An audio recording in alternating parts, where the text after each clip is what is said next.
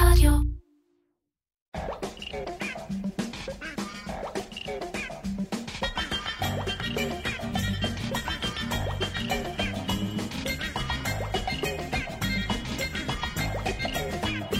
איר פודקאסט על פרסום, שיווק ובעיקר קריאייטיב, עם מירן פחמן.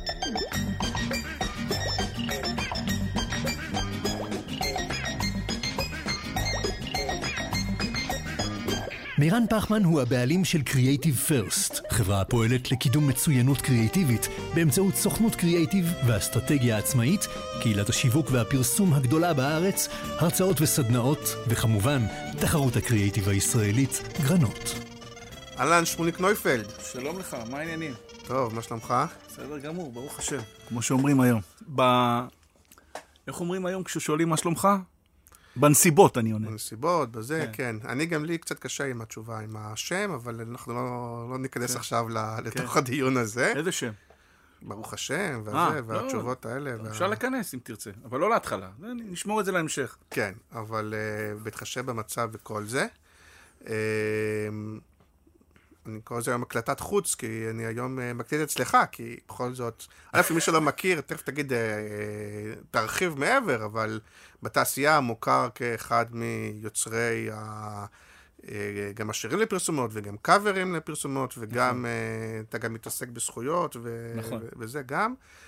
ומעבר לזה, אתה גם, אה, אה, יש לך הרבה רקע גם ב... לא בעולם הפרסום, כן? מלחין, אה, עיבוד, אלבומים, הצגות, עניינים. נכון. רק באמת לעבור על הוויקיפדיה שלך זה... לקח לך הרבה זמן? לוקח הרבה, כן. אה, וזה קטע, כי לדעתי, אני הייתי אצלך אולי פעם, פעמיים כאיזה קופירייטר צעיר כזה, כש... כשעוד לא ש... יש את ה- כשאתה קופירייטר, במיוחד אתה צעיר, לא מתייעצים איתך אצל מי עושים את המוזיקה. אומרים? לך. כן, גם... אה, אז אולי זה פעם, נפגשנו בזמנו, אבל אנחנו לא מאוד מאוד מכיר, מכירים. נכון. אה, אבל את השם שלך אני מכיר. כן. אמ, אני כן מרגיש צורך לפתוח בזה שבאמת כמה דקות לפני שהגעתי, אנחנו היום יום אה, רביעי, אה, פתאום גללתי בפייסבוק וראיתי הודעה על זה שאיש שהכרני אה, נפטר, אה, כן. הבמאי אה, שהיה חבר, ויצא לך קצת... אה, כן, איש קריאייטיב אדיר. ממש. הוא באמת, הוא יוצא פתוח, דופן, כן, הוא יוצא דופן. קריאטיבי ומצחיק, ו... אה, והאמת היא שיש גם פרק איתו, אני צריך, לי, אולי אני מתישהו אעלה, כי, כי באמת עכשיו ברצינות מה שיפה ב... הרבה פעמים בפודקאסט, מעבר לעכשוויות, זה שבאמת יש להם אחר כך איזשהו קונטקסט, אני לא מדבר כשמישהו נפטר בכלל, אבל אחרי שנים, אחרי זה פתאום, וגם זאת הסיבה שאני עושה, שואלים אותי למה אני עושה פודקאסט יחסית ארוך. כי, כי יש משהו, ואני חושב, אני צריך להקשיב עוד פעם לפרק איתו, אבל יש משהו שכשאתה יושב שעה, שעה עם מישהו, או אפילו מאזין לשעה ושעה ומשהו עם מישהו, שאתה מבצבץ את האישיות, אתה מתכוון, זה לא סינק של uh, כמה דקות, ואתה נכון. אתה באמת מתגלה, ואני חושב שבפרק עם ישי, וגם כל מי שהכיר את ישי, שהוא... היה בו שני ניגודים שמצד אחד הוא היה באמת האיש הכי מצחיק, הכי מוטרף, הכי מחופף, הכי זה, מצד שני היה איש נורא משכיל ואינטליגנטי. ורציני בעבודה, וטוטאלי, ו- וכאילו נכון. אה, משהו מדהים, ו... אז שוב, זה אין לי מילים, בגלל שאני פחות עם השם וכאלה, אז אין לי כל מיני כאלה זיכרונו, ואני לא יודע איך, אבל אני ממש ממש ממש עצוב, ונראה לי שכל מי שהכיר אותו אה, עצוב, ונקדיש לו את הפרק, לא יודע, אני לא יודע מה להגיד. אה, יהי זכרו ברוך, ככה כן. נגיד. אני אקח את החלק של זה של כן. מה שאומרים. אז יהי זכרו ברוך, ובאמת איש שיצא לי לעבוד איתו, וגם יצא לי אה, להציע לו דברים ולשמוע רעיונות כן, שלו לפתרונות של דברים, ותמיד זה היה מבריק, ותמיד זה היה מחוץ לקופסה, ותמיד זה היה שנון, ותמיד ברוח טובה, בדיוק כמו שתיארת, כאילו, בדיוק כמו שאמרת. היה לו גם את הרוח הטובה ואת הקריצה, ו- ותמיד היה חכם ושנון, כן. אה, מאוד מאוד. וואו. אה, בשלב הזה נגיד רק. שאני אני לא ידעתי את זה, זאת אומרת, אתה נכנסת ואמרת לי, זה ממש טרי, כן, כאילו, כן. כן. אה, בשלב הזה אני אמור לעבור לסוג של איזה חסות, שזה קצת נשמע לי מוזר, קצת לעשות, אז האמת היא שגם ככה, עכשיו שקצת דיברנו, אז קצת סיפרתי לך מה אני עושה, וככה לא, לא הכרת הכל, הכל, הכל, אז אני אספר לך שבנוסף למה שסיפרתי לך, יש לי גם ניוזלטר, uh, uh, uh, כבר חדש-ישן כזה, שנקרא הקיצר. ובניוזלטר הזה, אני לא יודע, תכף תגיד כמה אתה, אני מרגיש שאם אתה רוצה להתעדכן קצת במאמרים, בדברים, נורא קשה, כאילו, לרוב אתה לא מגיע, אם אתה מגיע אתה לא באמת קורא, אתה לא... אז מאוגד פעם אחת, ב...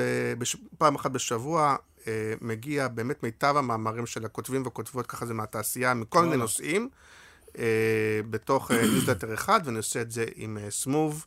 שהיא אה, באמת הפלטפורמה, ואני כבר התנסיתי עם כל מיני, הכי טובה, הכי שירותית, הכי מדויקת, גם לניוזלטרים וגם לכל מה שקשור לאוטומציות ולקשרים עם הלקוחות שלכם, ונגיד להם תודה, ונגיד גם תודה רבה לאדיו שמשווקים את ספוטיפיי בישראל. נכון. אה, אתה מכיר אותם? ברור. אתה אומר, לא יכול שלא.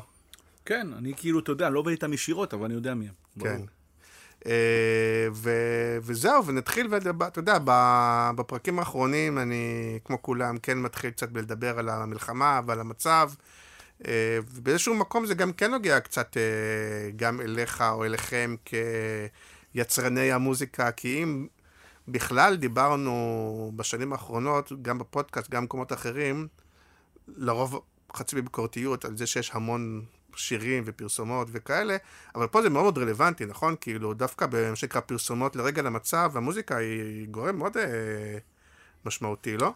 אה, כן, זה התחיל, אה, אה, אם אתה זוכר, עם פרוץ המלחמה לא היו פרסומות בכלל. אנשים, כן. מה שראינו זה רק שקופיות. ואז התחיל... או פרסומות של קשת, שהם רצו לעודד, אז זה היה כל מיני ליברה וכל מיני... כן. קשת אבל... רצו לעודד את המפרסמים, אז הם עשו, אתה יודע. אני לא מבין בדברים האלה. אוקיי. אבל אז התחילו פתאום, ה... התחיל הרצון להיות, אה, להשתמש במוזיקה, אתה יודע, מוזיקה שלנו, מוזיקה כן. ישראלית, אה, לעשות לה כל מיני אה, אינטרפטציות וביצועים וכולי, ובנקודה הזאת אנחנו... היינו שם כשזה קרה, ואפילו אני יכול להגיד, אם אפשר להגיד לשמחתי בימים האלה, ש, שעזרנו לזה לקרות. זאת אומרת, אה, אנחנו ממש, אה, אנחנו זה רועי ואני, כן. וש, ואנשים שעובדים פה, אנחנו איזה חמישה, אז ממש אה, חיפשנו את, ה, את הרעיונות מה לעשות. זאת אומרת, למשל, הצענו למשרדים שירים שיוכלו לשמש אותם, כאילו, לטווח קצר יותר, של זמן המלחמה, לטווח יותר ארוך. ועזרנו לזה, כאילו, ואנשים אמרו לנו, בואנה, אתם ממש עוזרים, אתם מביאים... ואז הקריאטיב של המשרדים שאיתם דיברנו, לקחו את זה ללקוחות. וואלה. אז כן. יש לך דוגמה שמותר לספר, או שזה... אני יכול להגיד לך שלמשל, שאת הקמפיין של, של מזרחי... בועז שרעבי. כן. כן, שזה באמת... את ה... המנגינה הזאת, אני הצעתי לליאור, שהוא בן דודי. ליאור נויפלד. ליאור נויפלד, שהוא כן. בן דודי, איש וואו. אני מת עליו גם כבן אדם וגם כאיש קריאייטיב. ליאור, תבוא כבר לפודקאסט. כן. כן, הוא המציא את השם המשקפיים של נויפלד, אגב. וואלה. הוא והבן שלי, על הכיסא שאתה יושב עכשיו. אה, יחד עם משרד הפרסום שאיתו, שאיתו היה בקשר קודם, של ברזני. Mm-hmm. אבל עשינו פה כזה ערב, חיפשנו שם לפרויקט, ו- וזה יצא להם. אז ליאור הוא באמת... אה, כן, בראובני, שפיץ, כן. בראובני פרידן, בדיוק. ואני אמרתי לו, בוא ניקח את השיר הזה, תשמע, זה שיר... והתבש... הוא לקח את זה, חשב על זה. תגיד רגע איזה שיר שאנשים... את המנגינה הזאת אי אפשר להפסיק. ובאמת אה, יצרנו קשר עם היוצרים ועשינו את החיבור. אז אה, כן, אז יש עדנה למוזיקה הישראלית בימים האלה. למרות שלא, בועז שר את זה במקור? לא, מה פתאום? לא. מה פתאום? זה להקת חיל האוויר. כן, לא אמרתי, כי זה שיר שעבר כן. הרבה גרסאות, אני אומר. כן. אז מי הביא את הרעיון להביא את בועז? יחד עם המשרד, המשרד זרק כל מיני שמות, אנחנו זרקנו כל מיני שמות, אני חושב שהרעיון של בועז, לא אני חושב, אני זוכר, שהרעיון של בועז בא מהם, זה רעיון מצוין. יציאה חבל הזמן, כי הוא גם לא זמר קלאסי של פרסומות. או שמאחד מהחבר'ה שלנו, אני לא, לא זוכר, לא, לא יציאה בעיניי מדהימה. כן, כן, אחד מהדברים שאני הכי אוהב זה ללהק. אה, גם את האומנים? כן. גם אם אתה עושה קאבר, וגם אם אתה עושה מוזיקה אה, מקורית שלך, הליהוק של הזמר זה המפתח לזה שהמאזין מתחבר יותר או פחות. זה תמיד ככה, גם כשאתה עושה שיר. כשאתה עושה את השיר הנכון לזמר הנכון, זה קורה. והליהוק הוא מפתח. כאילו, יאללה, נכנסנו כבר לתוך השיחה של המוזיקה. כן. למרות שבאמת, אם הזכרת קודם, אז המשקפיים של נופל באמת זה פרויקט שכולו מוזיקלי וכולו כן, חיבור כן, בין אה, תשע שירים. מקוריים כן. לאומנים, אבל דווקא נראה לי שבפרסומות, לא שזה לא קורה בכלל, אבל בפרסומות או שלוקחים את האומן המקורי, או שעושים קאבר, אז עושים הרבה פעמים מין אומני קאבר כאלה. אבל גם כשאתה אבל מלהק... לפעמים מביאים יציאה, כאילו... נכון, גם כשאתה מלהק, כשאתה עושה קאבר, אז אם אתה רוצה שזה יהיה דומה למקור, אז אתה מביא מישהו שמזכיר בז'אנר שלו את המקור, כן. ואם אתה רוצה להביא יציאה, זה גם מאוד מאוד חשוב ללהק, כי המבצע הוא מפתח ל... להצלחת התוצאה הסופית. מאוד חשוב, תמיד. כן. במקרה של בועז שראבי גם הוא אחד שמזהים, כלומר, רוב, לא נכון. תמיד את כל הזמרים. נכון, אה, אמיר דדון שנים עשה, נכון? אה, היה מה. שנקרא זמר של פרסומות, ברור. עד שהוא פרץ. כן, רגע, אז, אז בוא נחזור למלחמה רגע, אז, אז כן. מה מה מאפיין לדעתך כאילו את, ה, את השירים של הפרסומות של המלחמה, או מי שעכשיו חושב, א', יש עוד, ש... נשארו עוד שירים לדעתך, או שכבר לקחו את כולם? כן, לא לקחו הרבה שירים, כאילו, אבל כן, מה שמאפיין זה ה... ה... הביחד, לחפש את המילה יחד, אה, לא ינצחו אותי, לא... אה, אנחנו כאילו נהיה יותר טובים, אנחנו אה, מאוחדים, כל פעם שיש איחוד יחד ו... וניצחון, אם יש לך שיר כזה, אז תביא וזה יעבוד. אה, אבל איך עושים, אה, אם אתה יודע, בקריאיטיב, הרבה פעמים אתה אומר, אני מחפש את הרעיון החדש, את ה... להתחמק מהקלישאה, להתחמק מהבנאליות. נכון ששוב, שבמלחמה אנחנו כן קצת יותר דביקים וקצת יותר, אבל גם פה יש איזה משהו שאתה אומר, אני רוצה משהו שהוא... כן יעביר את מה שאנחנו רוצים, אבל לא יהיה עוד אחד משירי הפרסומות למלחמה שיהיה, שישמע אותו דבר ויהיה ביחד וכאלה, אז... תראה, ב... אם כבר דיברנו על uh, הקמפיין של המזרחי, מה שחכם שם זה החיבור ל... ל... למוצר עצמו. בגלל שמה שעשה הבנק, זה כאילו התחיל לעודד את ה... ביקש לעודד את ה... בעל אולפן שמשאיר את הטלפון פתוח. מה כן. זה, תראה מה זה. ה- אם זה היה לקוח, פה היה טלפון פתוח זה אומר שיש פה חיים. השתרשות. כן. אז מה שקורה זה שהחיבור שם למוצר עשה את העניין גם, כי הם אמרו, אנחנו נתמוך בעסקים של אנשים שעובדים בעוטף ובדרום. כי אי אפשר שהם יפסיקו פתאום, וזה כן. יתחבר אוטומטית לזה. זאת אומרת שיש פה כאילו, יש פה חוכמה בפשטות של הפתרון, כאילו, כי זה גם שיר כאילו obvious, כאילו עובד, יעבוד כמעט על כל דבר, אבל החיבור שלו למוצר פה, ל- כן, לבריף. לבריף, הוא, ה- זה, זה החוכמה פה. לקחת את השיר הזה, שהוא יכול להחזיק גם חודש בזמן המלחמה, חודשיים, לא יודע כמה זמן זה ייקח, מקווה שהמלחמה תסתיים לפני שאנחנו נסיים את הרעיון הזה. זה לא שורף אותם? אתה חושב שהשירים האלה שמזוהים עם המלחמה, אז אחר כך זה קצת שורף אותם? כי הם לא שירי שורף, מלחמה. שום דבר לא שורף שיר טוב. אה, זו דעתי. כן. יש אנשים שלא רוצים לתת שירים לפרסומות, הם עושים טעות. הם אומרים ש... אה, ששיר נכנס לפרסומת, אה, הוא כאילו אה, מאבד קצת מהערך שלו, או שמה פתאום שהאומן או היוצר הזה והזה ייתן את השיר שלו לפרסומת. וזו מחשבה מאוד מאוד ישנה, כמו המחשבה שהייתה לפני הרבה שנים, שמוזיקאים, מפיקים מוזיקליים ומעבדים שעושים פרסומות לא יעשו אלבומים. כן. שטות, ההפך. כשאתה צריך לעשות פרסומת, אתה צריך לקחת את המפיק הכי מעודכן והכי קריצתי והכי מגניב, כי אתה צריך לדבר חדש ול, ולהבריק כל פעם, וזה שומר לך את החדות במוח. אני יודע שלי זה עושה וואו. הצורך הזה לעמוד בזמן ולהביא תוצאה שהיא יציאה ושהיא בולטת ושהיא פונה לקהל והיא מפצחת אותו, אז זה שומר אותי חד גם למוזיקה שאני עושה אחר כך בפרויקטים שלי, או שאני מפיק לזמרים. כן. ואתה היום תמצא שרוב הזמ... המפיקים המוזיקליים, שרוב, לא כולם, רוב המוז... המפיקים המוזיקליים שעושים פרסומות, אה, עושים גם אלבומים ועובדים האומנים הכי, הכי חזקים בישראל. אז כאילו, אם נחזור ל... לשאלה שלך, שום דבר לא נשרף. זאת אומרת, שיר ניתן טוב הערת נשאר. רקע, שאתה באמת אחד מהוותיקים אה, בתחום. אה, אמרתי קודם שאני כקופירייטר צעיר בשנות האלפיים וקצת, אה, אז לדעתי נגיד היו בערך שניים, או נגיד אותך, עופר מאירי, אולי איך קוראים לו הצרפתי, איך קראו לו? הנרי ברטר. הנרי ברטר, עוד היה קצת לפני, לפניי, אפילו, אבל. היה לו קצת... אה, אה, כן, לפניי. אז- קובי אושרת היה הרבה.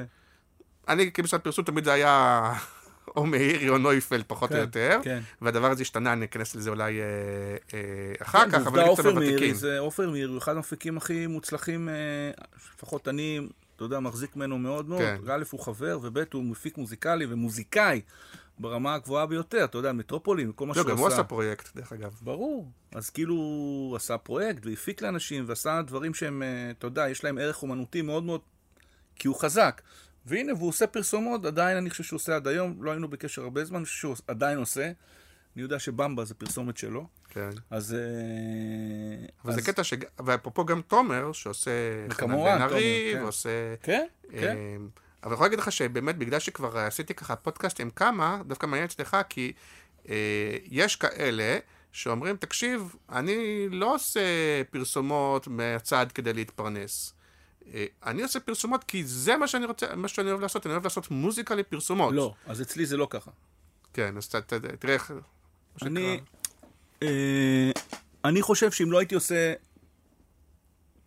אני רוצה, רוצה לקרוא לזה מוזיקה אמיתית, למרות שגם בפרסומות זה מוזיקה אמיתית. כן, אבל אם לא הייתי עושה את המוזיקה שלי, ולא הייתי כותב לאמנים, ולא הייתי מפיק לאמנים, ולא הייתי עוסק ביצירה, גם בעולם התיאטרון, וגם בעולם הסדרות, וגם בעולם הסרטים, זה היה פוגע בי. בש- בשורה התחתונה, ו- ו- ומחסל אותי אה, מבחינת, אה, מבחינת יצירה. זאת אומרת, אני לא חושב שזה נכון לעשות רק פרסומות. אני חושב שזה טעות, זה מגביל, ואני יכול לשמוע את אלה שעושים רק פרסומות, ולהבדיל אותם, מ- להבדיל בינינו, החבורה שעושה כן. עוד דברים, לביניהם. אה, כי זה נורא נורא מוגבל, וצריך להיזהר מזה. וכשאתה עושה מוזיקה, בוא נשתמש לצורך השיחה, בלי להעליב את המוזיקה של הפרסומות, כשאתה עושה מוזיקה אמיתית, ואתה יודע לשלב אותה בחיים שלך יחד עם הפרסומות, אז זה, זה צד, תומד, צד תומך, תומך בצד. כלומר, ברגע שאני עושה פרסומות, אז אני יודע, חייב להיות, לדעת מה מעודכן, ומה הולך, ומה הסאונד של היום, וחייב להקשיב למוזיקות, וחייב לדעת מה הולך בעולם, וזה, זה מכריח אותך להיות מעודכן, וזה תומך בזה, כשאתה עושה את המוזיקה שלך, זה תומך בזה. והפוך, היצירתיות, וזה שאתה עושה שירים, וזה, ואתה לא עושה שירים באורך של 40 שניות או דקה, אלא אתה עושה שירים, משאיר אותך חי ונושם ושורף ב, בצד של הפרסום. זאת אומרת, זה הנדשק, יש פה שני, צד, שני, שתי ידיים שמחבקות אחת את השנייה. אבל השאלה המעניינת היא גם בצד ההפוך, כלומר, האם בכלל אתה צריך את הפרסומות, או שאתה... שוב, כי אמרנו שאם אתה בדור כל, של... ברור, כי יש לפעמים שאתה עושה, אתה יכול להשלים לעשות... את השאלה רק בשביל הזה, של... בבקשה. אה, שמצד אחד אתה מצליח והצלחת. אה, גם לפני כן, באמת, גם בעולם המוזיקה וגם התיאטרון והפרויקטים האחרים. אה, אז אתה תספר, אולי בהתחלה אמרת, אני צריך לעשות גם פרסומות בתחילת הדרך כדי להתפרנס. אה, היום, לא יודע, כלומר, פרנסה טובה, והשאלה אם זה לא מזנה או... או אפילו אתה אומר, היום בטח לא, כמו שהאומנים היום לא, אבל האם לא פעם לא הסתכלו עליך כ... למה אתה עושה גם מוזיקה ופרסומות? מה אתה... אז לא אמרתי לך. אז אמרתי לך שהיו אנשים שאמרו את זה, וזה היה בעיניי מביך. כי תמיד, האומנים יותר אמרו את זה. ברור, כי תמיד בחוץ לארץ ראינו שמי שמפיק פרסומות ועושה את הדברים האלה בחו"ל, זה האנשים הכי חזקים בתעשייה, שגם כן. עושים את המוזיקה שלהם. לגבי הצורך בפרנסה, ברור, מתפר... אני מתפרנס, מהרב... אתה יודע, חלק מכריע מההכנסות שלי זה, זה מהפרסומות.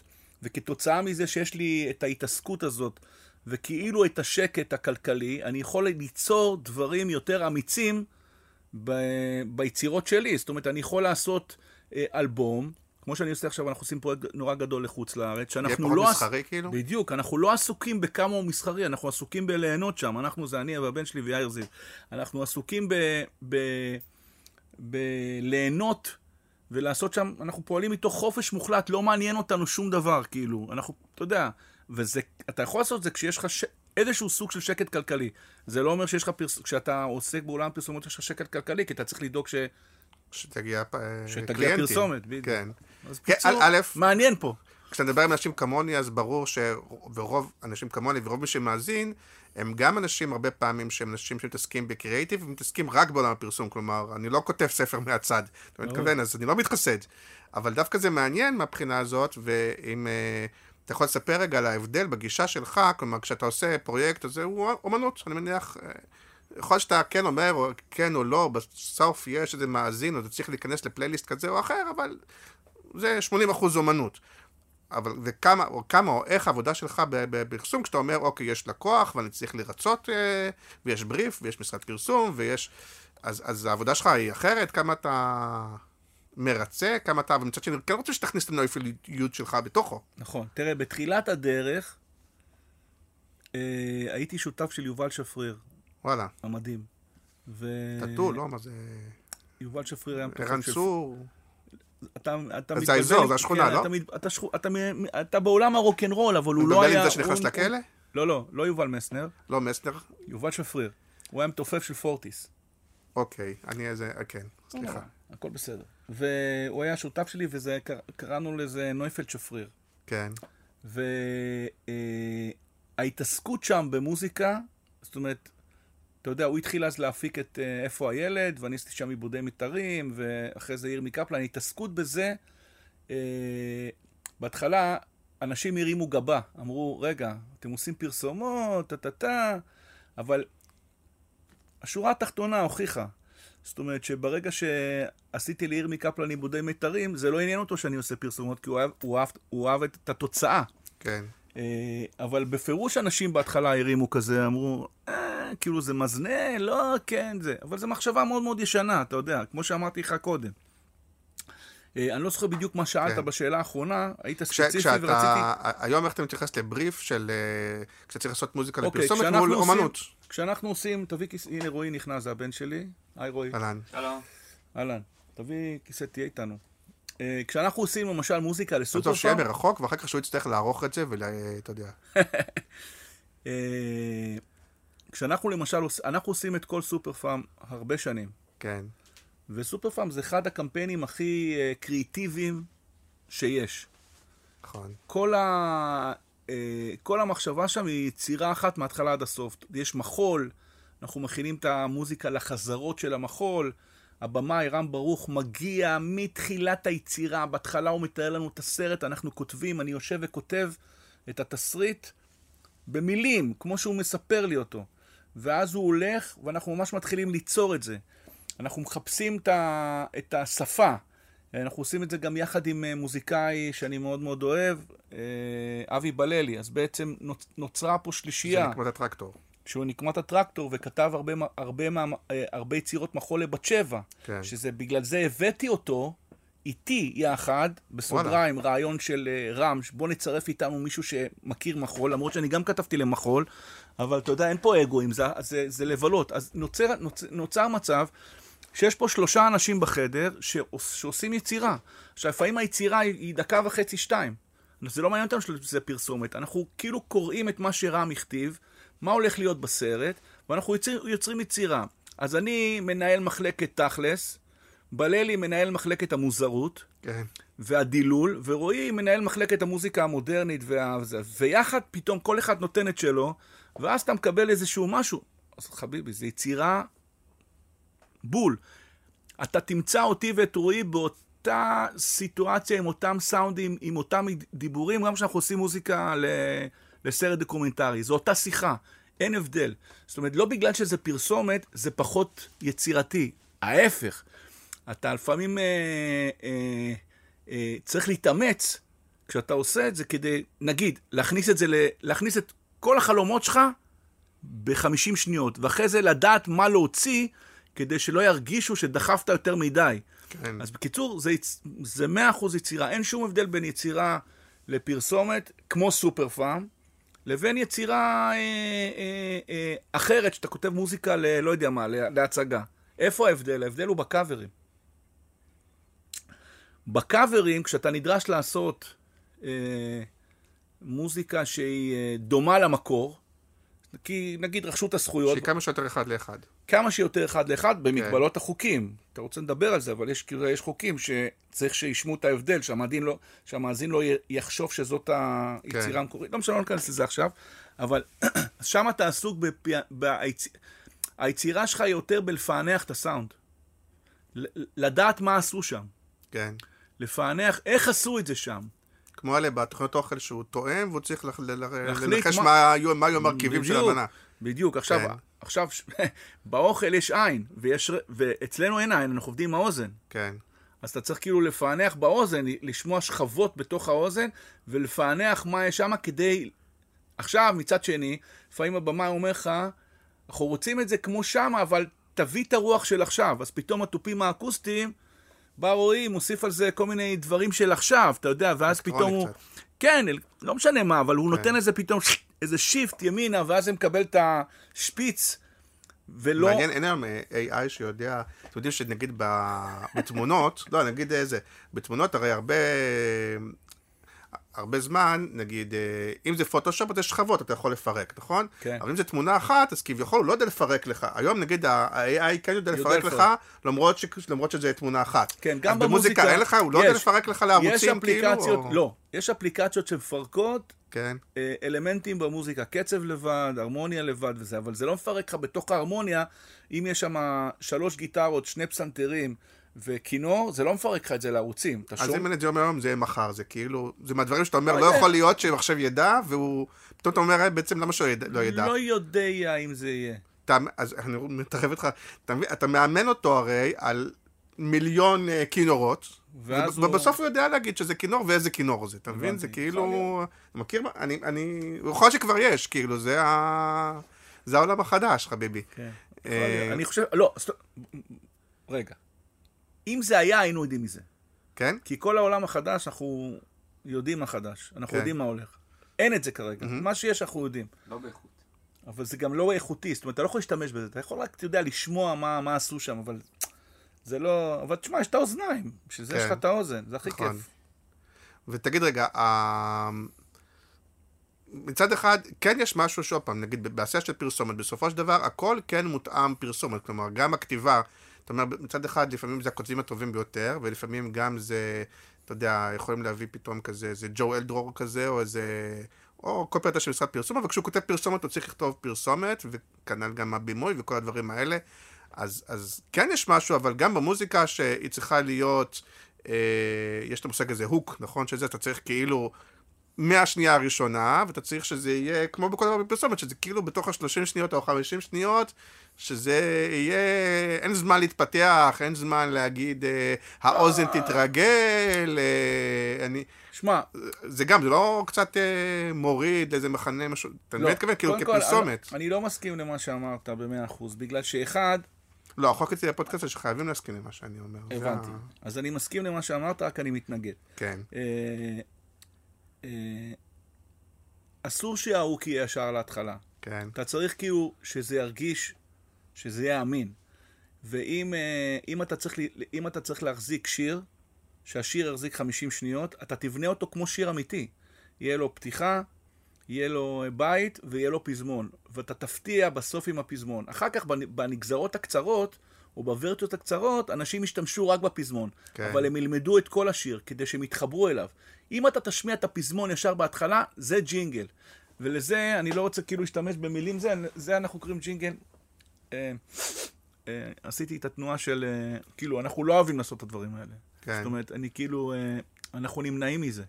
למרות אנחנו- שמעניין שגם בעולם הדיגיטל, אפרופו עכשוויות, לא, לא שמתי לב איך זה במוזיקה, אבל אה, בפרסומות הקלאסיות, נגיד, כן. באמת הן היו נבנות, כן. נכון? והיו מגיעות לאיזשהו קליימקס כזה, נגיד, כן. ו- וזה. ובדיגיטל, היום, בגלל שאתה יודע, אנחנו גוללים נורא מהר וזה, גם הפרסומות, אתה יודע, הרבה פעמים אתה מתחיל עם המסר ולא משאיר אותו לסוף, לדבר המפרסם. אוקיי. אתה עושה הרבה דברים, אתה צריך לעשות משהו נורא חזק בהתחלה, ולא... כי, אתה יודע מה מתכוון? בתוך... שאני יודע. אז השאלה אם גם במוזיקה זה, זה, זה משהו ש, שהשתנה, לא שמתי לב לזה, או שזה הולך עם העריכה פשוט. תשמע, אל תשכח שגם המוזיקה השתנתה, כי כן. פעם שירים היו ארבע דקות והיום שתיים וחצי, שלוש. אז כן. הכל התקצר. אז אתה יכול להגיד ש... אתה יכול להגיד גם טכנית, שכאילו ה... ה... ה... ש... יש היום הרבה שירים ברדיו, שהם כאילו... אה... קצת ג'ינגלים, כן. אתה מבין? כאילו, אה, בנויים על הוק ותודה וביי. אתה מבין? זה, אתה יכול להגיד את זה גם. אנחנו פחות, אה, אבל שוב, אבל שיווקית, פחות מתלהבים לעשות את זה. כי זה פחות בטעם, אבל... פחות בטעם שלנו. אבל אנחנו- אם שיווקית כמו... כמו בהרבה דברים, אתה יודע, שלפעמים דווקא נגיד אני לא שהבדיחה זוכר היא לא שום- בדיחה הומור גבוה, אלא. הומור נמוך, אבל לפעמים שיווקית זה יותר עובד, או, או נגיד מתאים אני ללקוח. הספציפי, דווקא משהו שהוא יותר נמוך, או... אני לא זוכר ג'ינגל שלי שהתחיל עם ההוק. כן. לא, מדברים על זה ספציפית, אנחנו מדברים כאילו על העניין הזה שאתה הרבה הוא לפעמים... כלשהו, אבל... יודע. לא, זה צריך להיות כן, קליט. תמיד- תמיד חייב לתפוס את האוזן. זה- כן, טוב, זה... שמע, יש את החוקים, כמו שיש בשירים, יש חוק מספר אחת בשיר, זה ה-first impression. אתה חייב. שהמאזין יתחבר אליך, אתה חייב לתפוס אותו, להגיד לו פס פס, ואז הוא, הוא, מסתובב הראש, הוא מסתובב את הראש אליך והוא איתך. ואז השלב השני זה לשמור אותו איתך, שהוא לא ילך לשום מקום אחר. אבל זה לא אומר שאתה צריך לתת לו את ההוק ישר בהתחלה. דרך אגב, נזכרתי, אם אתם רוצים, כן. שזה משהו מיוחד בפרקים האלה, אם עולה בראש דוגמה, כן. ואתה אומר, נגיד, בזה שעשיתי, ואחר כך נכניס דוגמה, זה גם אפשר לעשות, אם. היה לכם אה, ב- אה, בדוגמאות. אבל רציתי לשאול, אה, קצת על התסכול, כי אתה אומר אפילו דוגמה שהיא באמת דוגמה קצת קצה, נגיד סופר פארם כזה, שזה ממש יצירה, זה בדרך כלל אה, זה, ופעם אחת, בסוף, אנשים, גם אנשים בבית וגם אנשי מקצוע, פחות באים ואומרים, פש, בואנה, שמעת את השטע, את המוזיקה בסופר פארם, מדהים. לרוב זה כאילו, אין- בזה קצת תסכול, שנכון, אין אה, שיחה על ה... קודם כל, יש הרבה שיחות על המוזיקה. כן? המון שיחות, המון שיחות על המוזיקה, וב' שיחות איתך כשבאים אליך, כי אתה איש לא, המקצוע, לא, אבל... אני, אה, תשמע, אני מלמד ברימון, ואנשים שואלים אותי, וואו, איזה, בואנה, איזה קטע, למה אתם לא עושים מזה שיר? שוב, כי זה רימון, אבל אני אומר, זה לא שבלקוח משרד פרסום, או שכשאתה הולך לחתונה, או זה, אומרים, אה, אבל אה, אתה- שמעתם את המוזיקה של סופר פארם? אז אה, היו מקרים שכן, היו מקרים שכן. לא, זה ו- יוצר תסכול, או יוצר... לא, ההפך, ההפך. בסרטים כמו סופר פארם, שאתה בעצם פסקול של סרט שהוא מבוסס על תנועה, והרבה ממנו אפילו אפשר לקרוא לזה ממש מחול מודרני וכולי, אסור שהמוזיקה תגנוב את התמונה. המוזיקה צריכה לעזור לתמונה. ואם היא תהיה בולטת מדי, אז מה עשיתי? אנחנו נפסיד בתוצאה הסופית. אני צריך לשמור את עצמי משרת התמונה. אני צריך לשמור את עצמי משרת את הסיפור. אני צריך לשמוע, לשמור את עצמי מספר את הסיפור. בתוך המוזיקה מספר את הסיפור של הסרט. ואם אני אגנוב את התשומת לב, אז פגעתי בסרט. עכשיו, זה שונה משיר. כן, אתה אומר כמו, ב- כמו. כמו במאי בסרט, שאתה אומר, אם אני מרגיש את הבמאי, זה, זה לא טוב, אני צריך לא בדיוק. להרגיש את הבמאי, אני צריך בדיוק. שזה ישתלב לי בצורה בדיוק, מושלמת. בדיוק. כשאתה מביא את בועז שראבי לשיר את המנגינה הזאת, אפשר להפסיק. אתה אומרים, בואנה, שמעת את השיר, איזה ביצוע עשו לשיר הזה? אז שמה כן זה בא. אז אחד, זה בא יותר בשירים, ובשני המקרים, המכנה המשותף, זה, אתה משרת את התוצאה הסופית. אוקיי, עכשיו אשאל אותך שאלה ביקורתית עלינו, אבל אה, על, על התעשייה, אבל תרגישו חופשי אה, זה. אתה, נגיד עוד פעם, בדוגמת קיצון, אבל אחר כך להביא עוד דוגמאות, אבל בגלל שזה דוגמת קיצון, אני קדימה. מבין, אתם עם בללי עושים יצירה וזה וזה, ואז באים, כן, במקרה הטוב, כן. יש כמה, אני יודע איך לקרוא להם, אה, אנשים מהמשרד פרסום, שההבנה המוזיקלית שלהם, בוא נודה, היא לא מאוד גבוהה, והם צריכים לתת לכם אה, אה, הערות, או הלקוח עצמו, תכף נדבר על זה, יש לכם שני לקוחות, יש לכם גם את המשרד וגם אחר כך את הלקוח הסופי. והם פתאום נותנים הערות, ו- ו- ומאוד קשה לתת הערות מקצועיות, כי כאילו זה אנשים שהם לא מוזיקאים, הם לא מבינים בזה באמת, לפעמים אולי הם הערות שהם הם פשוט טעות. אז מה השאלה? א- איך מסתדרים עם זה? איך... אה, אני אגיד לך, זה קל. א', זה הרגשה ביניכם, לפעמים אתם אומרים כאילו, בואנה, איזה איזה אידיוט, כאילו, מה... זה קל. כן. בשנת 1992 עשינו את הג'ינגל, שפריר ואני, ישראל מחכה לרבין. עשינו שתי ורסיות. זה היה יום חמישי בלילה, נכנסנו לתוך יום שישי בלילה, לא היה לי אולפן, עבדתי באולפני סיגמה. כן. בסדר? ואנחנו צריכים להגיש את המוזיקה. אנחנו לא יודעים מה להגיש. את אחד או את שתיים. לא שרנו ישראל מחכה לרבין, כי מוטי מורל, זיכרונו לברכה, כן. לא הסכים להגיד מה הסיסמה. אז, אבל הוא, הוא, הוא כתב משפט עם אה, אותם אה, הבהרות. עם אותן הבהרות, וההבהרות היו, ניפגש השנה ביין. אוקיי? זה מה שהלחנו. ניפגש השנה ביין, והיו שתי ורסיות. עכשיו אנחנו יושבים, אני ויובל שפריר באמצע הלילה, אומרים, בוא'נה, מה נגיש? בוא נגיש את שתיהם וזה. אני זוכר, זו הייתה שם ועדה שקבעה, ישבו מפלגת העבודה, ירקון 110, כולל שחר סגל, שהיה כן. הבמאי. אמרנו, מה נגיש, מה נגיש, מה נגיש? יושבים ככה זה, בינתיים אנחנו ממשיכים לעבוד, השעה ארבע בבוקר, אולפני סיגמה, יום שישי בלילה, דופקים בדלת. פותחים את הדלת, מי מגיע? רבין. המנקה. המנקה של האולפן. נפלתי בפח השטותי הזה. נכנסת לא, לאולפן המנקה. שלום, שלום, מה אתם עושים? "אה, אנחנו עובדים. אמרתי ליובל, חכה שנייה. אמרתי, את יכולה לבוא שנייה? אז אמרתי, אני אשמיע לך שני שירים, תגידי לי מה יותר טוב. והיא בחרה את הוורסיה שהגענו וניצחה את הבחירות. וואלה. המנקה של אולפני סיגמה. מה אני בא להסביר לך? שלפעמים ההערה הכי חשובה תהיה ממי שלא מבין. ותמיד צריך להקשיב. האם זה לפעמים מעצבן? כן. האם זה לפעמים מרתיח? כן. אבל האם גם זה לפעמים מלמד? גם כן.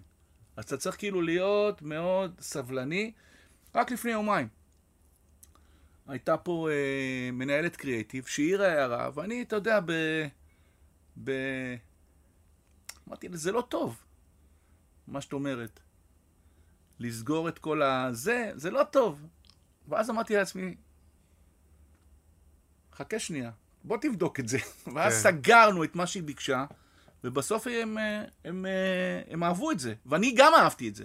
זאת אומרת שמההערה שלה למדנו. אז כמו שאמרתי לך, אתה יודע, אתה צריך כאילו אה, להקשיב, זה מתנה משמיים. אתה תמיד, אתה תמיד צריך להקשיב למה ש, שבסביבה, כי לפעמים הסביבה, שהיא לא מוזיקאית, יודעת יותר.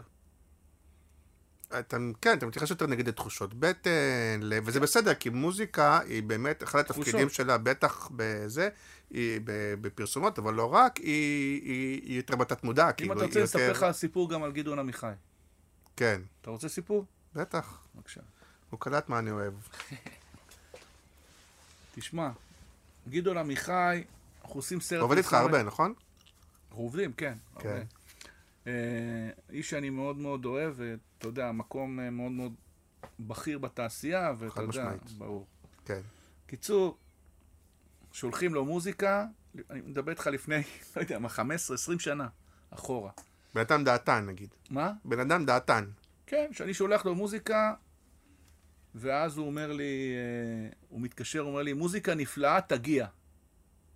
לאיפה להגיע? לגרביטי. אתה זוכר, היו אולפני גרביטי, רחוב כן. התעשייה שם. מול סאונדהאוס. אמרתי לו, מוזיקה נפלאה, למה אני צריך להגיע? נויפלד, תגיע! טוב, נכנס לאוטו, נוסע לגרביטי.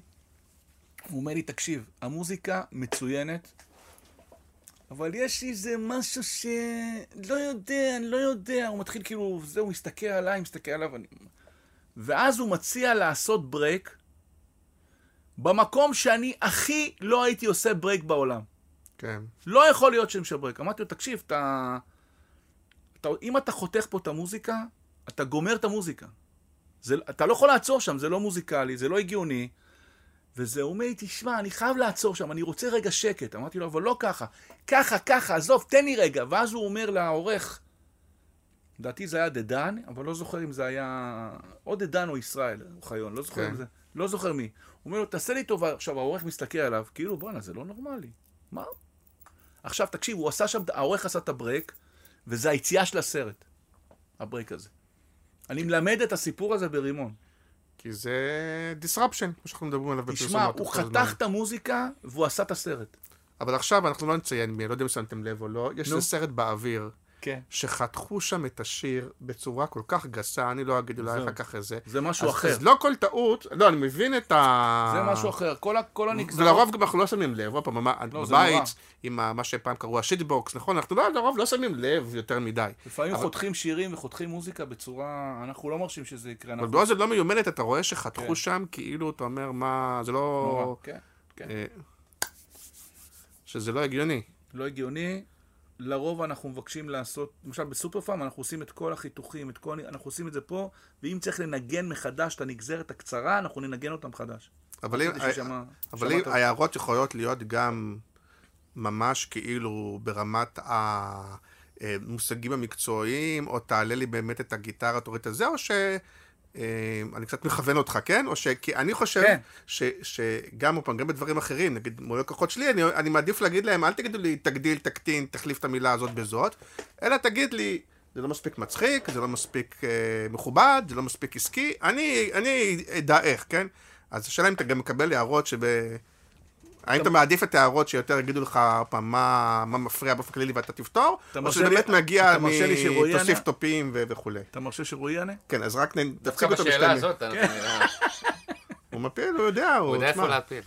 ממש לא. אז אני אגיד שרועי גם בן שלך, וגם אתם ביחד, והוא נחשב הדור הצעיר. ברור. אוקיי, רגע, לפעמים אני נחשב הדור הצעיר. סתם, סתם, סתם. כן. נכון. האמת היא שזה ממש תלוי מי. כי יש באמת אנשים שיודעים להקשיב לפרטים ולגיטרה, תרים פה גיטרה, או תחמם לי איזה טיפה עם כינורות, או יודעים לדבר. זה, אבל, אבל אני חושב שהמפתח בכלל, גם לעומת מה ששאלת קודם, זה המפתח והניסיון שלנו בתור מוזיקאים, זה לדעת להבין גם את הצד השני, מה הוא רוצה, וגם אם הוא אומר, אני רוצה פסנתר, כי זה, אז להבין למה הוא רוצה את הפסנתר, כי גם אם זה לא נכון לדעתנו, אז הוא מחפש איזשהו משהו שאנחנו רוצים לדעת מהו. ולהבין מאחורי המשפטים שלו מה באמת הוא התכוון. זה, זה הרבה פעמים זה. ויש הבדל בדינמיקה בין אה, אה, הלקוח שהוא משרד הפרסום, האם שם יותר או פחות, אפשר להיות פחות פורמליים ולהגיד לו, גדעון, תשתוק, או סתם אני רואה פה ספר של יורם לוי על השולחן, חדש, אז... אה, נכון. אה, שהתארח אצלי גם לפני כמה שבועות, אז נגיד יורם, יש לו את הספר של טל רביב פה. אה, אז, אז יורם הוא, הוא קצת אה, מנגן, וש, אז נגיד אולי נכון. כאלה, אז הם יכולים להרשות. אז יש הבדל בין ההערות, מה שנקרא משרד פרסום, לבין הערות לקוח, שלפעמים הערות לקוח, דרך אגב, יכולות להגיע בטלפון, או אפילו המנהל יותר זוטר אומר שהסמנכ"ל אמר ככה, ואפילו אין לך עם מי לדבר. נכון, זה האמת שגם אנחנו מדברים על זה הרבה פה בינינו, וזה גם נושא שהוא חשוב, כי אה, בתהליך העבודה אנחנו נמצאים פה באולפן, והרבה פעמים גם הקריאיטיב מגיע והבמאי, ואז כן. הלקוחות כאילו כשהם לא מגיעים לפה הם מנותקים. הם שומעים באוטו, כשהם עושים את זה, הילדים לא בגן, יודע, בדיבורית. בדיוק. לפעמים שומעים את זה באייפון. בדיבורית. ויש מלא, מלא דעות, ופתאום הילדה ש, של הזה שמעה את זה ואמרה לו, זה לא, זה לא כמו זה עכשיו שברדיו, או לא יודע מה, ואז יש עוד איזה דעה, וזה רק מקור לזה, אנחנו, דווקא בדברים המסובכים, במרכאות, אנחנו חושבים וממליצים תמיד שהלקוח יבוא לפה. כדי שתוך איקס זמן כולם יצאו, כולם יהיו בחדר, וכולם יצאו מרוצים, וכולם ירגישו חלק מהתהליך. כי, כאילו, כמו שאמרת קודם, מוזיקה זה תחושות, וההרגשה שאתה מקבל, כאילו גם שאתה חלק מה, מהדבר הזה ומהיצירה, והם נמצאים פה ביחד איתנו באולפן, אז גם אנחנו יודעים לקרוא אותם יותר טוב ולהבין הבעות פנים ו... ורחשים מעבר למה שהם אומרים, וגם אה, הם מרגישים חלק מזה והם יותר שלמים עם זה. זה הרבה עניין של ביטחון, אני חושב. ואיך מתגברים על ההטייה שבאמת, ב... כשאתה בא, מי שמכיר, ב... באמת אולפני סאונד, או ב... כזה כשאתה בא ל offline או אונליין וזה, אז בדרך כלל, מסתכל פה, פה, אני לא יודע להגיד את השמות המקצועיים, אבל אתה שומע את זה בחדר אקוסטי, ברמקולים הכי טובים, הכל נשמע לך קונצרט. כששוב, בבית, גם במקרה הטוב בטלוויזיה, אבל היום בהרבה דברים אנשים באמת שומעים זה תוך כדי דפדוף בטיק טוק או באינסטגרם, ו... אז איך מתגברים על ההטייה הזאת, על הפער הזה?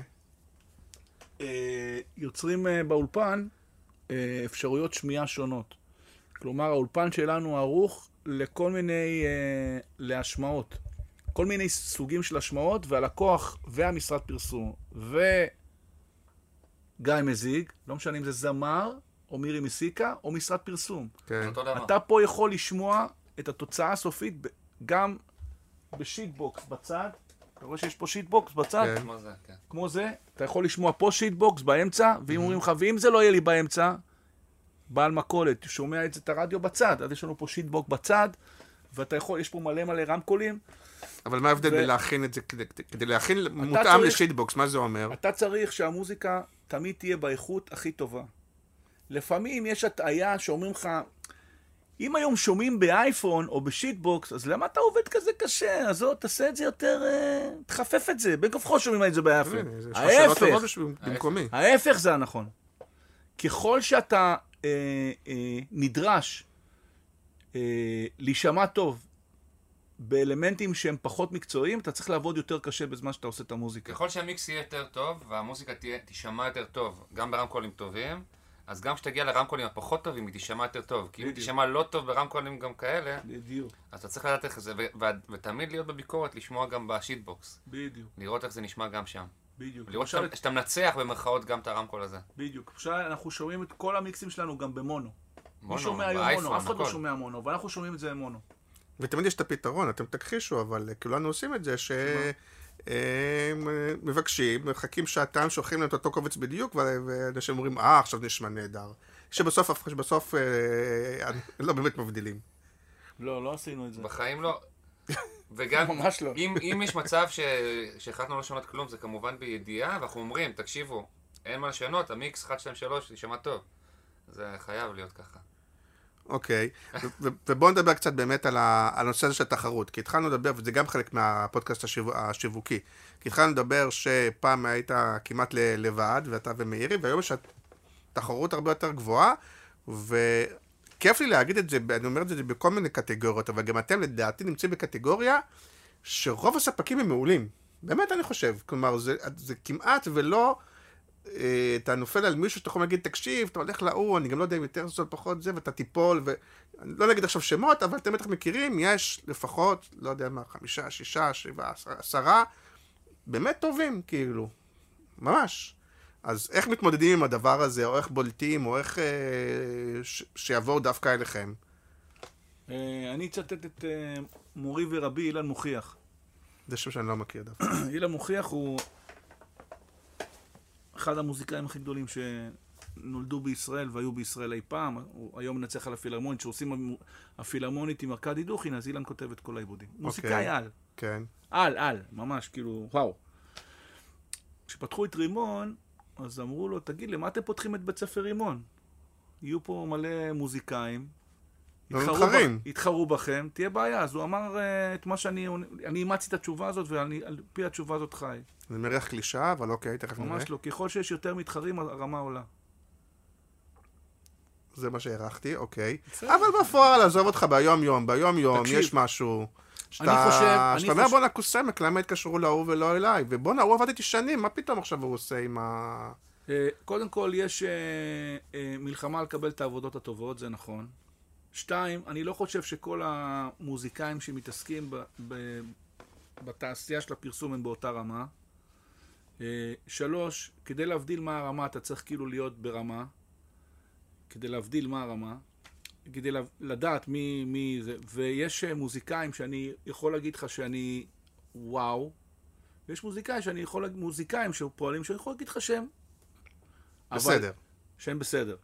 אבל אין, אין מישהו שהוא לא טוב, אבל יש, יש, אה, יש הבדלים.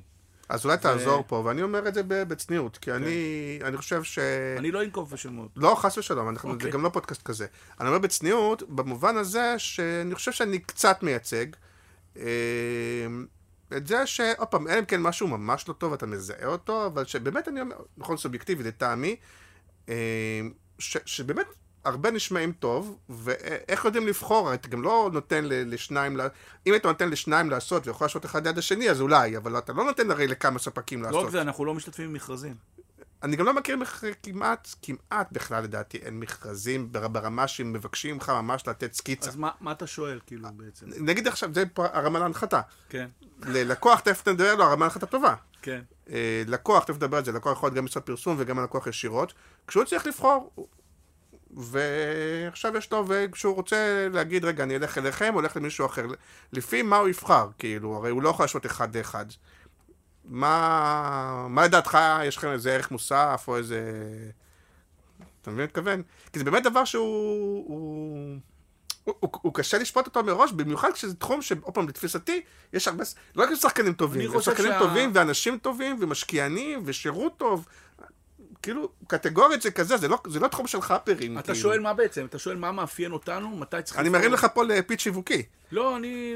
לא צריך את זה, בסדר, לא, לא, אבל אני לא, אומר, לא לא, שלא אני נותן ערך. אני נותן ערך להפך, אז נעשה את זה הפוך, כן. אני נותן ערך ללקוח. כן. שאומר לעצמו עכשיו, המשרד אמר לי, אני רוצה לעשות את זה עם אה, משה, או עם... איך הוא יודע, יותר טוב, פחות טוב. תשמע, ו- אם אתה צריך לקבל אה, כמה פתרונות לאותה, לאותו בריף, אנחנו נדע, כי אנחנו כמה מוזיקאים פה. יש פה כמה ראשים שיכולים להביא פתרונות. במקומות אחרים זה מוזיקאי אחד או שניים.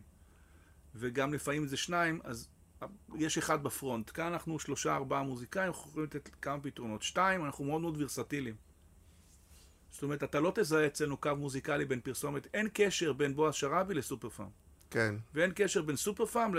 ואין קשר, בוא אני אלך איתך אפילו יותר קרוב, אין קשר בין לא תנצחו אותי של הבינלאומי, שיש עכשיו עם לאה שבת, לבין בועז שראבי. הנה שני בנקים, שתי עולמות שונים, ואין קשר לבנק לאומי, למה שעשינו בבנק לאומי, עולמות שונים. תמיד אצלנו יש יותר, אה, אנחנו תמיד, אנחנו עובדים עם הרבה מאוד זמרים. אה, אני ברוך השם מלמד ברימון, אז אני קרוב למלא זמרים חדשים. תמיד זה יהיה רוח חדשה ומעודכנת. אנחנו גם מקליטים לפעמים, אם צריך, שירות בחוץ לארץ, ומביאים משם את הערך המוסף של להקליט שם. האם אחרים עושים את זה? לא יודע. אני יכול להגיד לך שיש עבודות שנשמעות יותר טוב ופחות טוב בטלוויזיה, ואני יכול להגיד לך שכשאני שומע את העבודות שלנו בטלוויזיה, אני מאוד מאוד גאה בהם, כמו שאני עושה שיר. זאת אומרת, זה, זה לא יהיה פחות. אבל היה שלב שממש אמרת לעצמך, או אמרתם, אוקיי, התחילה פה תחרות, אני כבר לא לבד, אני צריך לעשות משהו שיווקי, או ב... אני חושב שהרבה פעמים זה אפילו עניין של top of mind, כאילו, הרבה פעמים בגלל שיש כמה טובים, הרבה פעמים אנחנו... זה מישהו שיושב לך בראש. לא, קודם כל אנחנו עושים הרבה שיווק. קודם כל אנחנו, כל עבודה שאנחנו מוציאים, אנחנו כן. דואגים שכל התעשייה תדע שהוצאנו, שהיא שלנו. מה, שולחים להם למייל? שולחים למיילים, שולחים לוואטסאפים, אנחנו נמצאים בקשר עם אנשים. חשוב לנו, כאילו, אנחנו גאים בזה, ואנחנו חושבים שאלה עבודות טובות, אז אנחנו, אתה יודע, אנחנו אומרים, אנחנו שמחים ל... mm-hmm. לשתף אתכם בחדש שלנו לסופר פארם, או חדש שלנו לבנק, לא, כאילו, זה כיף, כי אתה עושה משהו חדש, אתה רוצה שאנשים ידעו שעשית, ולא תמיד חוקרים, כי אתה יודע, יש מלא נכון. פרסומות. למרות שאני אגיד לך בסוד, בגלל שאני מאלה שמקבלים מכמה, אז לרוב אתה לא ממש פותח, לא מתוך זלזול, כי לרוב אם תפתח, אתה תראה פרסומת שאתה ראית כבר 9,000 פעם בטלוויזיה, אתה אומר, אז, אז מדי פעם, אז אתה אומר, אוקיי, עכשיו... ויש כאלה שפותחים, כי זה, כי זה כרגע בטלוויזיה, כרגע זה... כן, יש כאלה שרוצים לדעת, כן. ותמיד מגיבים וכותבים. יש כאלה שלפעמים, mm-hmm. ויש כאלה שאתה, שאתה מקבל מהם אה, תגובה חמה או משהו כזה, אתה אומר, אומרים לך, וואו, איזה יציאה, או, או אין, אין עליכם, או דברים כאלה, אתה, אתה מרגיש כאילו זה סבבה. אז אנחנו מתעסקים בשיווק, אני, אני חושב ש, שזה מאוד מאוד חשוב, אה, שאנשים ידעו מה אתה עושה. זאת אומרת, גם כשאני מוציא שיר חדש, אני שולח אותו לאנשים. אתה יודע, אני שולח את הלינק, שולח לינקטון, אה, שולח לינקטון, שולח יוטיוב לאנשים, תראו, עשינו שיר חדש, קליפ וכולי. זה, זה העולם של היום. אתה יודע, אנחנו לא מחכים שאנשים יחפרו לגלות, כי לפעמים אין להם זמן, כי יש הצפה של חומר. וכדי שידעו שאתה על הדברים, אתה צריך uh, להגיד את זה. אני לא הש... מתבייש להגיד את זה. ועם השנים חלק מהשיחה גם הייתה, רגע, אבל פתאום אולי אני נתפס, אפרופו אני עשיתי בשנות ה-90, ב-2000, אולי יש כאלה שחושבים שאני מיושן, ברור. אולי יש uh, אנשי קריאיטיב חדשים שלא מכירים את נויפלד, ברור. אולי יש... Uh, האם חלק מהסיבה שרועי הצטרף, זה חלק מזה? ברור. אוקיי. כל התשובות, כל התשובות הן כן. חלק מהסיבות שרועי הצטרף. אתה יודע, רועי הוא... לא, לא אומרים שבחו של... למדת ברימון? לא, לא למדתי באקדמיה. וואלה, אוקיי. כן, לא אומרים שבחו של אדם בפניו, אבל כאילו, אתה יודע, אם יש משהו חדש, אה, אה, פרש במוזיקה והתעסקות עם האומנים המובילים בישראל היום, על הבמות ובכלל, ולקבל מתנה כזאת בתוך הבית שלך, זה ברור. זה טבעי שהוא... אה, הוא כמעט היום, אה, אני, כש, נגיד ששנינו ליד המחשב, רוב הזמן הוא ליד המחשב. אני יושב בצד. כן. כאילו, אז תבין מה, מה, איזה כיף לי ואיזה, איך אני, ברור שזה מתנה לחיים, אתה יודע. אני מאחל לכל אחד כזה, כזאת מתנה. אבל, אבל לא ברור פעם... שיש את ההרגשה הזאת שאומרים לך, אתה, אתה ישן וזה, אבל אתה, אתה עושה פליי, הכל לא, נגמר. לא ברגע שאתה עושה פליי, וזה נשמע, כמו שאומרים, על, בתוך ה... אני לא רוצה להגיד בן זונה, אבל אז אני לא אשתמש בשתי המילים האלה. כן. אבל זה נשמע... אה, אה, אה השתמשתי, סליחה. לא משנה, זה נשמע, אתה יודע, השיחה נסגרת, כי זה, זה לא רלוונטי, אתה עושה פליי, אנשים שומעים, אומרים, אוקיי, וואו. אבל אפילו לא במובן, כי ישן, יש בזה משהו שיפוטי, אבל אם אמרת קודם גדעון, אז אני אגיד, הוא לא יאהב שאני אומר את זה, אבל הוא לא אוהב את רוב מה שאני מדבר עליו, אז זה בסדר, אבל אני מדבר בהרבה כבוד. אז גם גדעון, יש משהו לדעתי, תפיסתי, שזה לא ישן, אבל אתה אומר, זה קלאסי. יש דברים שאתה אומר, אני רוצה עכשיו משהו קלאסי, זה גדעון. ויכול להיות שאם אני רוצה משהו עכשיו שהוא הכי פרוע, מחופף וזה וזה, יכול... אז, אז לפעמים יכול להיות ש...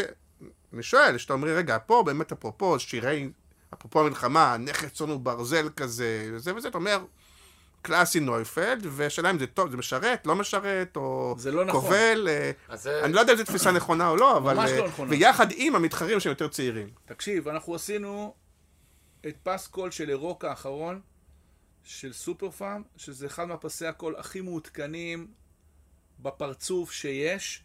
זה מוזיקה שנשמעת, אני לא רוצה כי זו מוזיקה שלי, אבל היא נשמעת וואו, אני כאילו כל כך גאה בזה.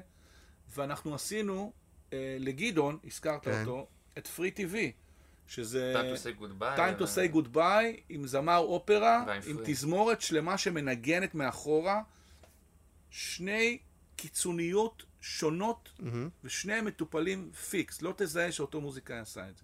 זאת אומרת... עכשיו אנחנו עושים רכב שהם ביקשו שזה יהיה כן, עכשיו אנחנו הכי עושים... עתידני שיש, כאילו. בדיוק. אז אה, אז אתה יכול למצוא פה הכל. אבל תפיסתית זה משהו שאתם מתמודדים איתו, חושבים עליו? ו- שמה? יש איזה עניין לדעתכם, או שזה... אני שואל לא מתוך שזה שאני יודע, אבל אני אומר באופן טבעי שזה... ממש לא, אבל אני יודע, אתה יודע, לפעמים אה, אנשים... אני מניח ש... שרועי נותן תשובה למי שחושב שאני לא רלוונטי, אבל אני לא חושב שאני לא רלוונטי, אז אני לא יודע למה הוא נותן תשובה. הבנתי. והתחלתם להגיד קודם שיש... אה, זה גם דבר שהשתנה קצת עם השנים, נכון? היום יש יותר באמת שאתם עובדים, סוגרים לקוח, כאילו, לצורך העניין, סוגרים מול סופר פארם, ומחר פרסמן מתחלף, לא מתחלף, אתם, כאילו, כמו, כמו חברות הפקה היום, שיותר עובדות עם הלקוח, ולאו דווקא במשרד פרסום. כלומר, אה, לרוב הלקוח שלכם הוא הסוכניות, או שכבר... אה, גם וגם. גם וגם. אנחנו לא נעשה אף פעם אה, משהו שפוגע במשרד הפרסום, לא, זה ברור. כי יש לנו שם חברים. אבל יש מגמה שאתם רואים שכאילו שסוגרים כבר ישירות מול. הלקוח? לאו דווקא, זה ממש תלוי בלקוח. תלוי בלקוח, אתה יודע. יש לקוחות שאוהבים לעשות את זה אצלם, הם עושים הכל, וגם קונים את המידע לבד. ואתה יודע, זה לא רק מוזיקה. יותר עניינים של זכויות יוצרים, אבל, אנחנו אה, מטפלים ב... מול, כן. מול, מול לקוח, אבל רוב הזמן זה, רק דברים של רכש, כן. כן, בשיתוף משרד פרסום. ו... לא, אני יכול להגיד לכם שמהצד שלי, כאילו של ה... כאילו האג'נסי של הזה, אז כאילו לא מדברים על זה, אבל נדבר על זה, כי בדרך כלל יותר חברות הפקה ובמאים, פחות בזה, אבל אה, אם הלקוח סגר עם הזה, אז לך יש פחות כוח על זה, כי תמיד הוא יכול להגיד על לך, אני אאשר, לא אאשר וזהו, בסוף אני, הלקוח שלי האמיתי זה, זה הלקוח, כן? ואם אתה הבאת את את הספק, אז הוא יותר מרגיש מחויב אליך, כי, כי בסוף אתה זה שיכול להחליף לו, לח... אתם מבינים מה אני מתכוון? לא חשבתי על זה בחיים. באמת? נשבע. לא, לא חשבתי. לא, לפעמים גם זה קצת דינמיקה כזאת של... יכול להיות שזה מחשבה שעוברת למשרד הפרסום, אה, לא יודע, אבל זה לא, לא, יודע. שמע, יש לקוחות שאנחנו... תראה, אנחנו מאוד אוהבים שלקוחות באים. שזה קורה פחות ופחות, אצלנו זה קורה אה, הרבה. קורה. כן? כן, אנחנו אוהבים שלקוחות הם באים. נהנים לבוא. אנחנו פשוט... גם קריינים לא באים. לא, קריינים באים? בסדר, קר- קריינים אנחנו לא... לא, קריינים לא קריינים. אה, אנחנו לא מקליטים קריינות בכלל. אה, אין לי בכלל קריינות? לא, לא. אנחנו עושים את זה בחוץ. זאת אומרת, עושים את זה בשלב הבא וזה בחוץ. אבל אם לקוח של סופר פארם, לקוח זה יכול להיות מנהל המותג, או מנהלת הקריאיטיב. זה, כן. זה שני סוגים של לקוחות, כמו נכון, שאמרת כן. קודם. אם הם באים לפה, מבחינתי זאת חגיגה. אם באה לפה מנהלת הפרסום של בנק לאומי, במלוא הדרה, מבחינתי זאת חגיגה. אם גדעון יושב פה באולפן ועומד מאחוריי ומנצח על המוזיקה, מבחינתי זאת חגיגה. אנחנו אוהבים שהם באים. אז uh, עכשיו אתה שואל אותי, מי יותר כיף לי או מי יותר בא? תלוי בלקוח. זאת אומרת, כאילו, אתה שאלתי. יודע. לא, אתה אמרת כאילו מול, לקוח או מול משרד פרסום. בד- בדינמיקה של הלסגור לא, מול אה, לא, מול לא. זה או לסגור מול זה, אבל כבר התקדמנו, אה, כבר התק- לא, זה שבאמת היום הרבה דברים עושים מרחוק, שוב, אה, אני לא יודע, אפילו הקלטות של כלי נגינה, או דברים ש- שהיום, לא. אפשר לדבר על זה שחלק מהתחרות, גם הוא חלק מהעולם הזה, באמת רק אם זה אני של... צריך להביא, אם אתה עכשיו תתקשר אליי, תכניס לי עבודה, ואתה תצטרך שהיא תהיה מוכנה מחר בתשע בבוקר, אחד, היא תהיה מוכנה בתשע בבוקר, שתיים, אתה לא תשמע שהיה את הפרק זמן סביר, במקרה כזה אני אפנה לנגן ואולי הוא יקליט בבית. אם לא, אם יש את הטיפה האוויר הזה, נגנים באים לפה, מנגנים פה, סוחבים מגברים, ועושים את זה כמו שאני עושה באלבום. אבל זה- מה הערך, אם יש היום באמת, כי, כי חלק מהעבודה מרחוק זה שאתה גם יכול להגיד, רגע, אני בכלל יכול להביא אה, בריטי שינגן, אני לא צריך אה, ישראלי, אני יכול להביא את אני מב- הנגן הכי טוב, ב... מה, אני- מה הערך של להקליט פה? גם אם אנחנו מביאים בריטי שינגן, או נגן שינגן, ב... הקלטנו את, אה, איך קוראים לו, אה, את גבירצמן בבלקן, הוא היה בבלקן באיזה ארץ, אז אנחנו עובדים איתו, אנחנו מנחים אותו, זאת אומרת, זה לא... המפיק המוזיקלי חייב להנחות את מהלך ההקלטה. בגלל שניואנס קטן שמשתנה ימינה-שמאלה, סאונד קטן, תאריך את הציל הזה, הוא יגרום לעבודה יותר לרגש או פחות לרגש.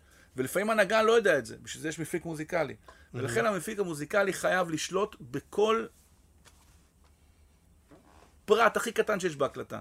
אתה לא יכול אה, לשלוח את זה לנגן שינגן לך את זה מרחוק. רק אם זה כלי שהוא לא בפרונט, אלא כלי background, ואין לך זמן, אנחנו מקליטים אצל, אתה יודע, אנחנו שולחים נגיד לשניאור, אז הוא עושה גיטרות בבית. אבל זה נדיר. 99.9 אחוז מהאנשים באים לפה. אז הנה תשובה לשאלה ששאלתי קודם, כן. על מה מאפיין אתכם או מה מבדל, כי על הערכתי, אה, הרי כמעט אף אחד מהלקוחות, אפרופו, לא יגיד לך, תקשיב, אם היה עוד חצי שנייה של הצליל של הגיטרה, זה היה... בחיים אף אחד לא יגיד לך את זה.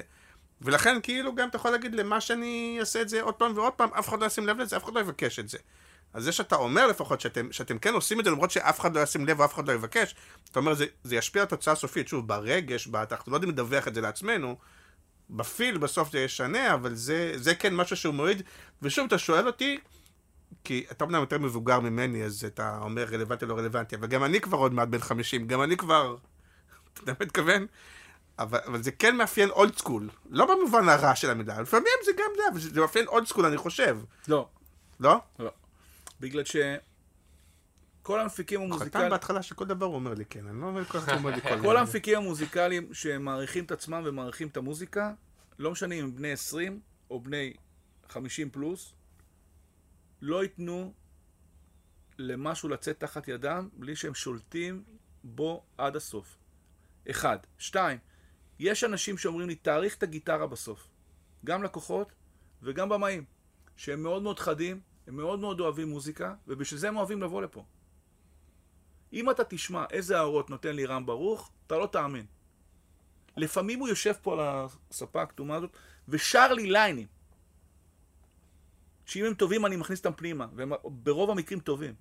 אני מכניס אותם פנימה לתוך הדבר הזה. לא כי אני רוצה, רם חבר שלי, אני לא צריך למצוא חן בעיניו, אבל פשוט עושה ליינים. זאת אומרת, שאתה, אני חושב שהאנשים שבאים לפה יודעים אה, שאנחנו נלך איתם עד הסוף, ואני חושב שבגלל זה הם באים לפה. שאלת מה הערך המוסף, הם יודעים שאנחנו ניקח את זה עד הסוף. למשל, אין מצב שאני אעלה ג'ינגל לטלוויזיה, או פרס... כאילו מוזיקה לטלוויזיה, בלי שאני עושה מיקס. עכשיו, לפעמים אני שומע מפיקות אומרות, למה עושים מיקס? לא צריך, שלח לי את זה, אני אעשה את זה בחדר, אה, בחדר סאונד. היא לא מבינה שלפני ששולחים את המיקס, את התוצאה לחדר סאונד, לעשות מיקס, לעשות balanceים, הרי מה זה balanceים? מיקס. כן. בין הקריינות למוזיקה, יש את, המוז... יש את המיקס בין הרגל, טוב רגל לטוב snare.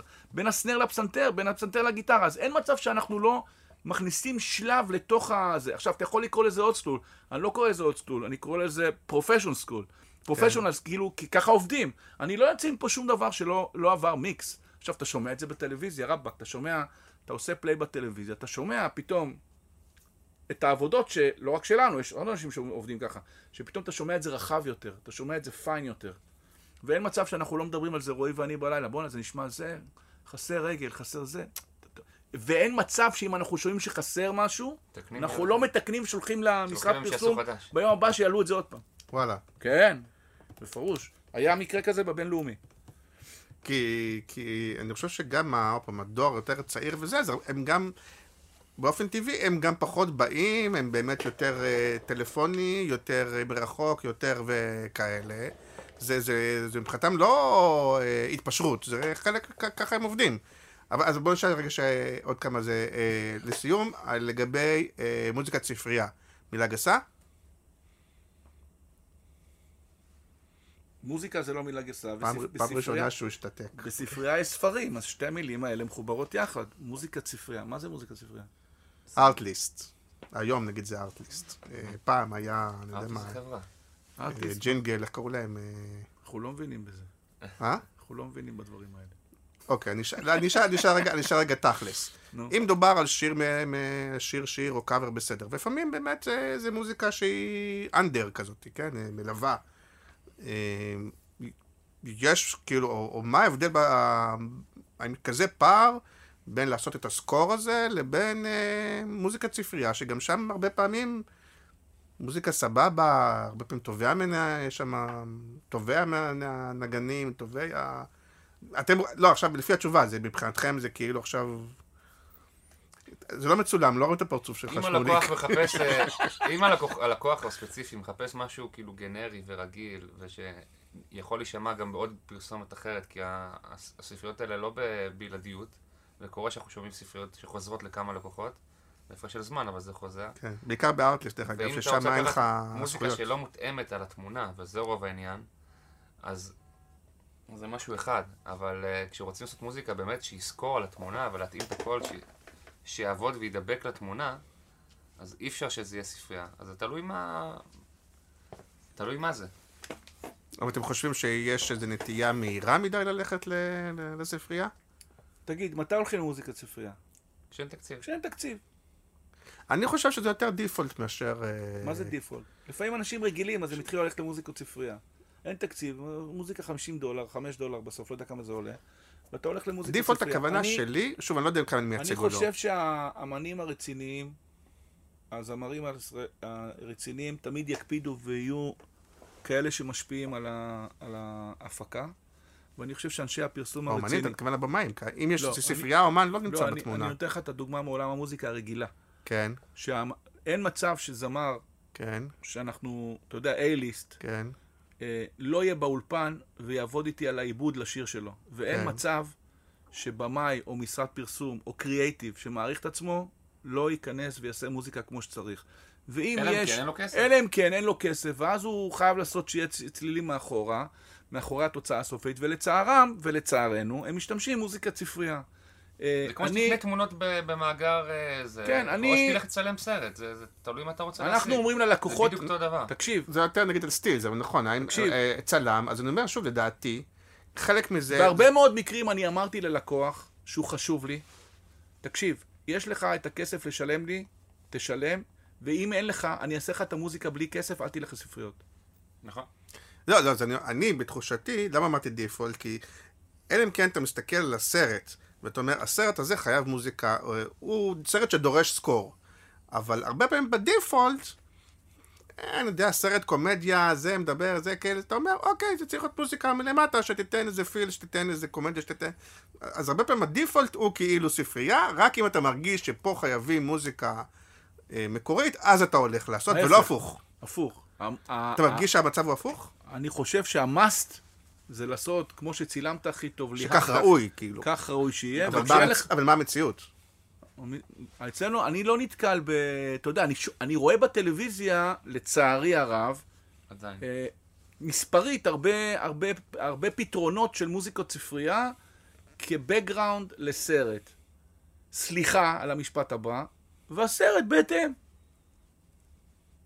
זאת אומרת, אתה אומר שאם משהו לא תראה בכל סרט, ההפקה לא יותר, תמצא אה, סרט פרסומת בטלוויזיה שהוא קלאסה ויש מאחוריו מוזיקת ספרייה, אלא אם כן זה סרט שמבוסס על רעיון או מלל שהמוזיקה פחות חשובה ויכלת אולי גם לשדר אותו עם איזה מיוט או משהו כזה, אבל ברמה העקרונית אני, אתה יודע, אני לא רוצה לפגוע באף אחד, אתה יודע, יש לי חברים בארטליסט, ו... אבל אנחנו... אה, אני לא רוצה להגיד לא מתים על הרעיון, כי אנחנו יודעים, אתה יודע, אנחנו יודעים להסתכל על מה שיש היום בחוץ, וגם להגיב אליו. אבל אה, אני מקווה שמוזיקה מקורית תמשיך להיות אה, אה, כמו יהלום, שאתה שם, כמו טבעת יהלום, שאתה שם כשאתה מתלבש יפה, כן. ואתה יוצא למסיבה זה, או כמו ג'ינס מגניב, שאתה יוצא ל... אני חושב שזה must, זה חלק מהסטייל של הסרט, זה חלק מה, מהתוצאה הסופית, ואתה, ואסור לוותר על זה. וגם אם המוזיקה היא פחות חשובה או לא, היא צריכה כזה, ל, ל, אתה יודע שפעם בא אליי במאי לעשות מוזיקה לסרט, ואמרתי לו, אתה יודע שהסרט שלך לא צריך מוזיקה? אני לא מדבר איתך לא על סרט פרסומת, סרט באורך של שעה וחצי, והצעתי לו לעשות, לא לעשות מוזיקה בסרט. נתתי לו ציל אחד, ובזה הוא השתמש. מעניין. כן. זה דבר שמותר להגיד איזה סרט, הוא יצא בטח. אני לא, לא זוכר את השם שלו, ואני לא יודע אם הוא יצא. זה סרט עלילתי, כאילו? כן, או- כן, זה סרט על... מה? לא נראה לי שזה יצא. כבר. כן, אבל תדע שגם, זאת אומרת, אני חושב שברגע שהבמאי בא לפה ומחפש את ההתייחסות כ- כמוזיקאי, אנחנו צריכים לתת לו את ה- את הטופ, גם אם זה לא לתת לו מוזיקה. אבל אני חושב שמוזיקת ספרייה זה משהו שהוא כמו אין ברירה כזה, אתה יודע. פתרון מאולץ.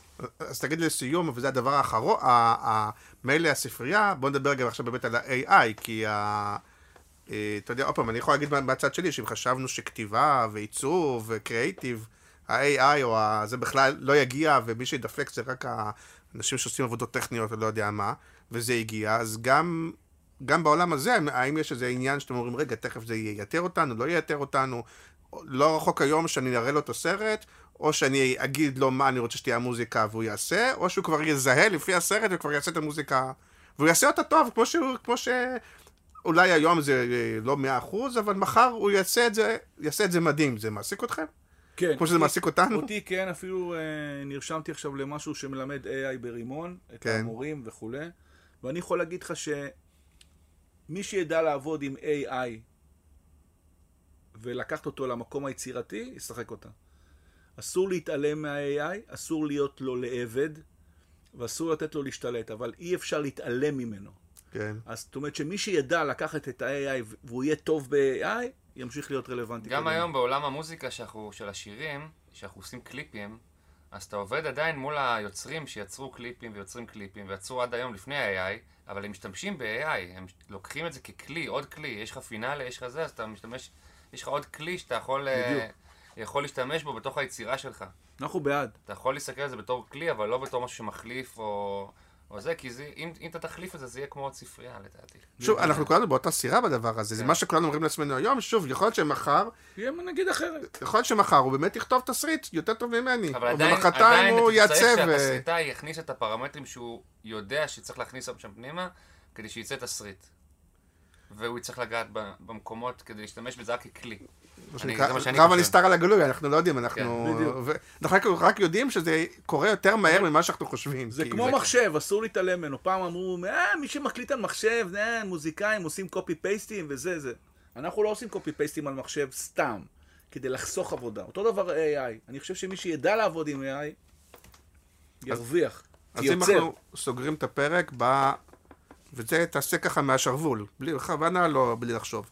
סוגרים את הפרק בשיר או ג'ינגל או זה, לא של פרסומת, לא של זה שאתה הכי גאה בו. יענו... וואו, הרגת לי. אבל בכוונה מהש... לא, בכוונה מהשרוול, לא מזה. מה אנחנו שמים עכשיו בסוף? ישראל מחכה לרבין? ישראל מחכה לרבין, סמרסל, סמרסל, יש מכבי, יש חברים, ו... שם שואוריל, אתה מבין? לא, שמתי, לך דברים שהם מקוריים, אתה יודע, יש גם קאברים שהם וואו, אבל אני חושב ש... אני, אתה כן. יודע, אני לא יודע להגיד מה... זה, אם תשאל אותי על השירים שלי, זה אני אגיד לך אותו דבר.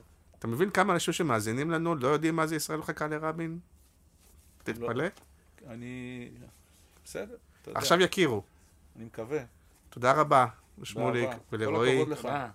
אה, תודה רבה לך, מעניין. ועשית, אה, והפודקאסט שאתה עושה מצוין, ותודה רבה על החשיפה, ואנחנו מעריכים מאוד. תודה רבה. להתראות. ביי ביי. להתראות. ישראל מחכה לרבין, יש הסכמה לאומית, שמים אמת בקלפי, רוצים מנהיגות אמיתית. אין לי ארץ אחרת, ישראל היא הבית שלי,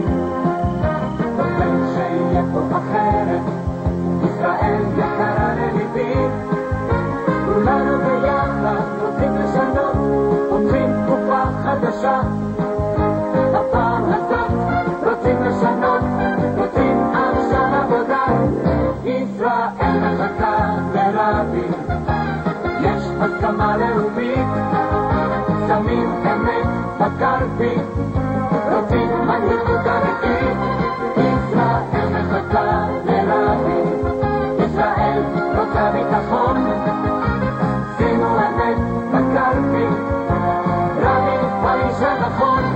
عايش أنا خاف